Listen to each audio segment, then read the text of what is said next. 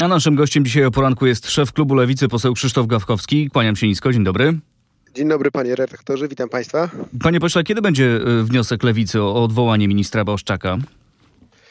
Poczekamy jeszcze ten tydzień i zobaczymy, jak będzie wyglądała sytuacja z odtajnieniem meldunków, bo wszystko wskazuje na to, że pan minister mija się z prawdą, bo 17 ministerstwo wiedzieć musiało o poszukiwaniach, które zostały wszczęte. Poszukiwaniach oczywiście rakiety pod Bydgoszczą. Mówił pan Więc... o tym e, wczoraj na konferencji prasowej, właśnie, że 17 grudnia y, wpłynął meldunek do MONU. Jakie macie państwo na to dowody? Są na to jakieś dokumenty, papiery?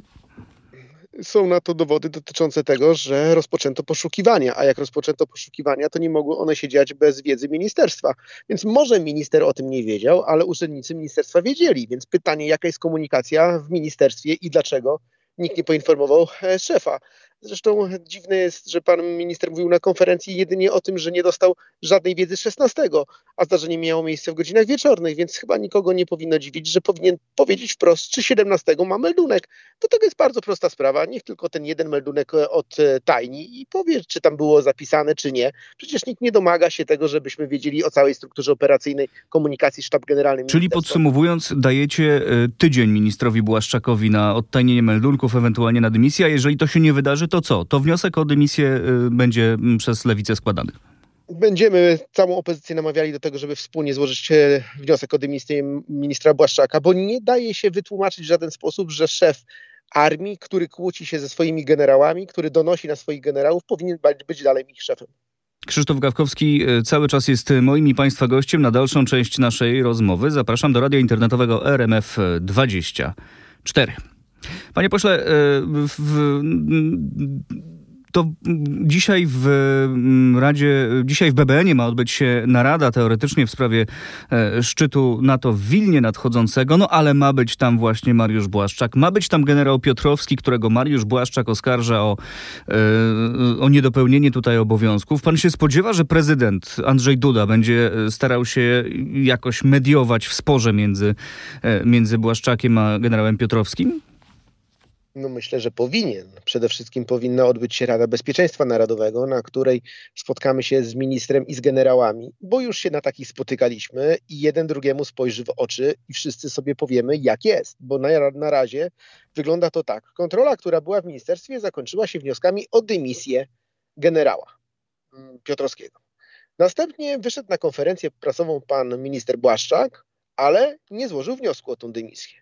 Następnie były ćwiczenia na konda, na których był prezydent i dał swoiste wotum zaufania generałom, bo przecież się z nimi spotkał i fotografował. Następnie... Prosił też o dyskrecję, spokój i, i, i, i, właśnie spokojne traktowanie tej sprawy w, w, w obecnej sytuacji, więc prezydent wygląda tutaj na no, rozjemcę. No dobrze, tylko że w międzyczasie generałowie powiedzieli, że zostali niesłusznie oskarżeni. Oczywiście w sposób miękki, no taki jak na wojsko przystało, to znaczy nie rozpoczęli takiej nawalanki politycznej. No ale nie da się kierować wojskiem podczas tego konfliktu, który jest na Ukrainie, wojny. E, my jesteśmy państwem frontowym, bo przecież przez Polskę duża część pomocy na Ukrainę płynie.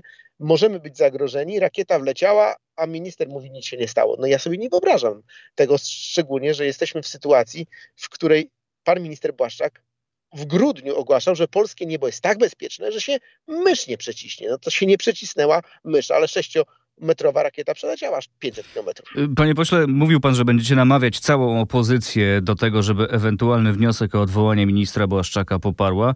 Myśli pan, że trzeba będzie naprawdę namawiać? No te głosy o odwołanie ministra, one są bardzo silne i to niezależnie od, jakiej, od formacji opozycyjnej, z jaką mamy do czynienia ale my rozmawiamy na opozycji na ten temat i też e, chcemy dać przestrzeń między innymi kontrolerom NIK-u, chcemy dać przestrzeń tym wszystkim, którzy dzisiaj rozpoczęli też proces sprawdzania, co się dzieje, bo mamy też, nie ukrywam, sygnały z armii mówiące o tym, że i w armii jest wkurzenie, które będzie skutkowało pewnie różnymi informacjami, które w najbliższym czasie się będą pokazywały. Więc myślę, że honorowo pan e, Błaszczak ma czas, a jak nie, będą dowody przeciwko niemu tylko w czasie świadczyły. Rozmawiałem we wtorek z profesorem Jarosławem Flisem. On wyraził taką opinię, że Mariusz Błaszczak jest właściwie w tej sytuacji nie do ruszenia, że jego pozycja jest zbyt silna i że on sam raczej, mówiąc kolokwialnie, papierami nie rzuci. No to piłka zostanie po waszej stronie. Czy to jest tak, że na przykład na następnym posiedzeniu Sejmu możemy się spodziewać ruchów w tej sprawie? Niestety zgadzam się z profesorem. To znaczy, mamy do czynienia z człowiekiem, który oprócz tego, że jest szefem MONU, jest jednym z najbliższych współpracowników Kaczyńskiego. I przed wyborami Kaczyński swojego, można powiedzieć, głównego e, załóżnika nie da zwolnić. Więc odwołać go w sytuacji, w której PiS ma większość, będzie bardzo trudno. Jedyne, co można e, zrobić, to przedstawić całość e, tego, co zostało zrobione w sprawie rakiety, obnażyć też niekompetencje ministra w tej sprawie, ale też złożyć, e, można powiedzieć, takie swoiste wotum nieufności do tego, że jednak polska armia nie jest zarządzana kompetentnie. E, I na to też wszystko zbiera się ten wniosek, więc stąd oczekiwanie i, i to, co będzie jego końcem, czyli sam efekt złożenia wniosku o wotum nieufności. A to powtórzę pytanie, panie pośle. Na następnym posiedzeniu Sejmu? Wniosek? Nie będzie tak, to nie jest tak, że jest na posiedzeniu Sejmu następnym, dlatego że od złożenia wniosku marszałek Sejmu ma miesiąc na to, żeby to zrobić, więc e, może być na przykład za dwa posiedzenia Sejmu. No to im szybciej, im szybciej tym lepiej. No to trzeba jak najszybciej tak. w takim razie z perspektywy opozycji oczywiście ten wniosek złożyć. Tylko perspektywa jest też taka, że trzeba mieć pełne do, pełną dokumentację, a tą dokumentację zbieramy. Ja między innymi jestem w drodze teraz do Bydgoszczy, będę się też widział z władzami samorządowymi, które też dostają jakieś informacje, co prawda szczątkowe, ale z nich można całość zebrać tego, co się dzieje w powiecie nakielskim, co się dzieje w sprawie rakiety i też dać sobie taką perspektywę no, odpowiedzi na pytanie, jak dokładnie było, żeby pokazać, kto oczywiście tej sprawie kłamie. Panie pośle, a może to jest tak, że te zasługi ministra e, Błaszczaka e, no, w pełni rekompensują jego przewinienia. E, Prawo i Sprawiedliwość mówi, zobaczcie ile my kupujemy sprzętu. F-35, cała masa sprzętu z, z Korei Południowej, patrioty, które niedawno się w Polsce pojawiły. No, tego dozbrajania armii to jednak nie można odmówić ministrowi Błaszczakowi do, do zbrajania armii nie można do, e, odmówić, ale jednak e, mamy do czynienia z czymś, co jest bezprecedensowe. Do państwa NATO wleciała rakieta z państwa, które prowadzi wojnę. Nikt tej rakiety nie znalazł przez 4 miesiące. Wszyscy nabrali wody w usta, twierdząc, że nie wiedzą skąd ona się tu wzięła, i dzisiaj mówią, że nie wiedzą, jak to się w ogóle wydarzyło, że się to mogło stać. Były szef NATO mówi, że to jest po prostu niemożliwe w demokratycznym państwie, które jest członkiem NATO, żeby coś takiego się wydarzyło, a w Polsce minister mówi, no sorry, to nie moja wina. No, no, no nie. No to znaczy, można zbroić armię i można robić zakupy, to tak jak w domu. Można robić zakupy twierdząc, że jest się dobrym kucharzem, ale jak się męża albo żonę zdradzi, no to mamy problem. Panie pośle, to kończąc ten wątek, y, wracając jeszcze na chwilę do tego dzisiejszego spotkania w BBN, w Biurze Bezpieczeństwa Narodowego, to czego pan oczekuje po tym spotkaniu? Czego pan by oczekiwał od, od prezydenta? Jak on się powinien w tym momencie zachować, skoro ma taką unikalną okazję? No, wszystkich ludzi w jednym miejscu i może z nimi rozmawiać komunikatu w tej sprawie, po czyjej stronie stoi. Generałów, którzy mówią, że meldunek wysłali, czy ministra, który mówi, że meldunku nie dostał. A może to jest tak, że w sytuacji wojny za naszą wschodnią granicą ta sprawa jest odłożona do załatwienia na bliżej nieokreślone później? To też jest zrozumiałe, ale chciałbym w tej sprawie wiedzieć, czy minister, który de facto wypowiedział posłuszeństwo generałom, a którzy są jego najbliższymi współpracownikami, będzie mógł z nimi pracować. Bo jeszcze gorzej by było, gdyby wojna była na Ukrainie, my byliśmy byli w jakimś stanie zagrożenia, a okazałoby się, że dwóch ludzi kierujących naszą armią nie współpracuje z trzecim. Czekamy w takim razie na być może ruch prezydenta dzisiaj, być może jakąś wypowiedź, a potem będziemy dalej y, tym tematem się zajmować. Panie pośle, zmieniając temat, czy wyczujecie się postawieni przez Prawo i Sprawiedliwość pod ścianą? No 800 plus, darmowe leki, darmowe autostrady, 14 emerytura na stałe, no, no tego to chyba nie przebijecie. Y, czujecie, że, że, że macie problem przed wyborami, jeżeli chodzi o obietnice, które zresztą, powiedzmy sobie szczerze, już w pewnym sensie są realizowane. W żaden sposób.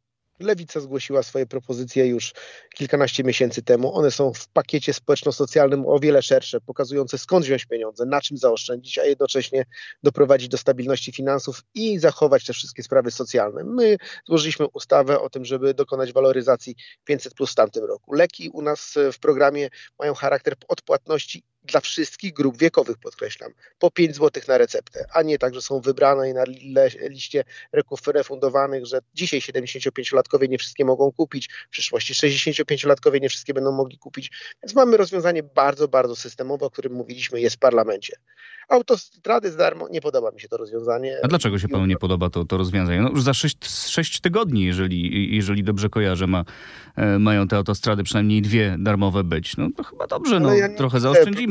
Z tym, że płacimy za autostradę, ale widzę w tym problem, że nauczyciele i pielęgniarki za mało zarabiają, że mamy problem z edukacją, która jest niedofinansowana. Widzę olbrzymi problem ze strukturą państwa, e, która wydaje pieniądze na media publiczne i są one wyrzucane w błoto. Mam problem z tym, że emeryci i renciści nie mają waloryzacji renty i emerytury, tylko czternastkę im się obiecuje, czyli dwa razy w roku po tysiąc złotych, a nie tak jak Lewica proponuje, co miesiąc 400 złotych, co w kwocie wspólnej, czyli na koniec roku jest dwa razy większą kwotą. Ja mam z takimi rzeczami problem. Ja chciałbym za opiekę społeczno-socjalną, żeby odpowiadało państwo systemowo, a nie wybiórczo, to znaczy jakaś kiełbasa wyborcza na wybory, wybory, mówienie zwolnimy autostrady, bo to stało się kluczowym tematem, a ja mówię, że dla Polaków nie kluczowym tematem jest to, czy przejadą przez autostradę za darmo, tylko czy na przykład będą mieli swoje mieszkanie, czy będą mieli je za tanie pieniądze, czy będą musieli szukać na przykład, nie wiem, miliona złotych na kredyt. Panie pośle, ja pytam, ja pytam, czy czujecie się zagrożeni, dlatego że wydaje się, że w jakiś sposób ta strategia Prawa i Sprawiedliwości działa. No, 500, plus, które stanie się 800, plus jest, y, no, przemawia do wyobraźni, e, do wyobraźni ludzi. 14 emerytura na stałe też przemawia i te darmowe leki też przemawiają, i te darmowe autostrady też przemawiają. przemawiają. To są e, proste komunikaty, a ja mam wrażenie, że z waszej strony e, trochę te komunikaty są zbyt skomplikowane. Czasami może być trudno je zrozumieć.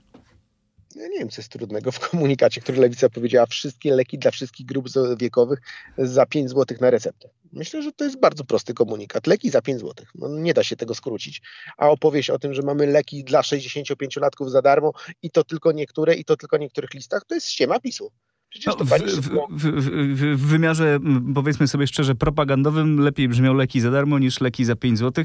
No ale oczywiście, ale, oczywiście ale zgodzę się, że to jest kwestia tego, jak uważnie posłuchamy każdego z tych, e, z tych leki komunikatów. Leki za 5 zł są dla wszystkich, a leki są, e, które PiS ogłasza w określonej kategorii dla, dla ludzi 65+. Plus. No, no, jest naprawdę olbrzymie znaczenie, bo dla mnie czy dla pana, dla pewnie części naszych słuchaczy, leki też są problemem, bo co roku, co miesiąc, co kwartał, czasami każdy je kupuje, więc naprawdę myślę, że nie są problemem. A PiS dokonuje bardzo wybiórczej oceny, to znaczy mówi, że będziemy coś wdrażali, damy na przykład czternastkę, czyli dwa razy do roku po tysiąc złotych, a my mówimy nie dajmy systemowo co miesiąc rozwiązanie do portfela seniora, niech wie ile ma pieniędzy, na co go stać, bo rachunki co miesiąc są te same, a tysiąc złotych nie jesteś w stanie sobie tak rozłożyć, żeby na 12 miesięcy razy dwa ci starczyło. No nie, no to jest po prostu inna bajka myślenia o państwie. I Prawo i Sprawiedliwość oczywiście spiarowo robi to sprytnie, ale ja nie jestem zagrożony mentalnie, że opozycja przez to będzie miała gorszy wynik, bo uważam, że ludzie dostrzegają, ile PiS złego też robi. To znaczy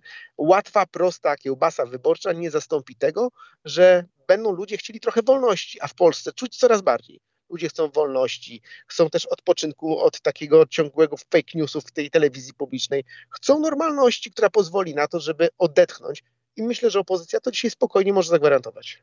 A propos, y, y, a propos tego, czego chcą ludzie, bo y, oczywiście normalności, wolności, ale chcą też tej waloryzacji e, świadczenia 500. No i Donald Tusk odpowiada Jarosławowi Kaczyńskiemu: e, wprowadźmy 800, już teraz od czerwca prezent na Dzień Dziecka. Lewica będzie za takim rozwiązaniem, kiedy ten projekt znajdzie się w Sejmie, a się znajdzie, bo oczywiście e, myślę, że zostanie zrealizowany, to, to, to będziecie głosować za? Tak, będziemy głosować za, chociaż nie będziemy, znaczy może inaczej, popieramy ten pomysł, ale nie będziemy głosować za, bo PiS tego nie zrobi. A teraz druga rzecz, też, która... Czyli co, wstrzymacie się od głosu, tak? Nie, będziemy za. Tylko nie będziemy głosowali, dlatego że PiS nie włoży tej ustawy. To, to, to o tym chcę powiedzieć. Aha. I nie trzeba dzisiaj robić nic, żeby wprowadzać ustawę, bo to jest kolejny jakiś fake news, który PiS wymyślił. Dzisiaj ma premier taką możliwość zrobić to po prostu, bo ustawa na to pozwala. Czyli gdybyśmy chcieli dzisiaj waloryzować, to można z dnia na dzień to zrobić, bo ustawa na to pozwala. Premier by podjął taką decyzję, koniec, kropka.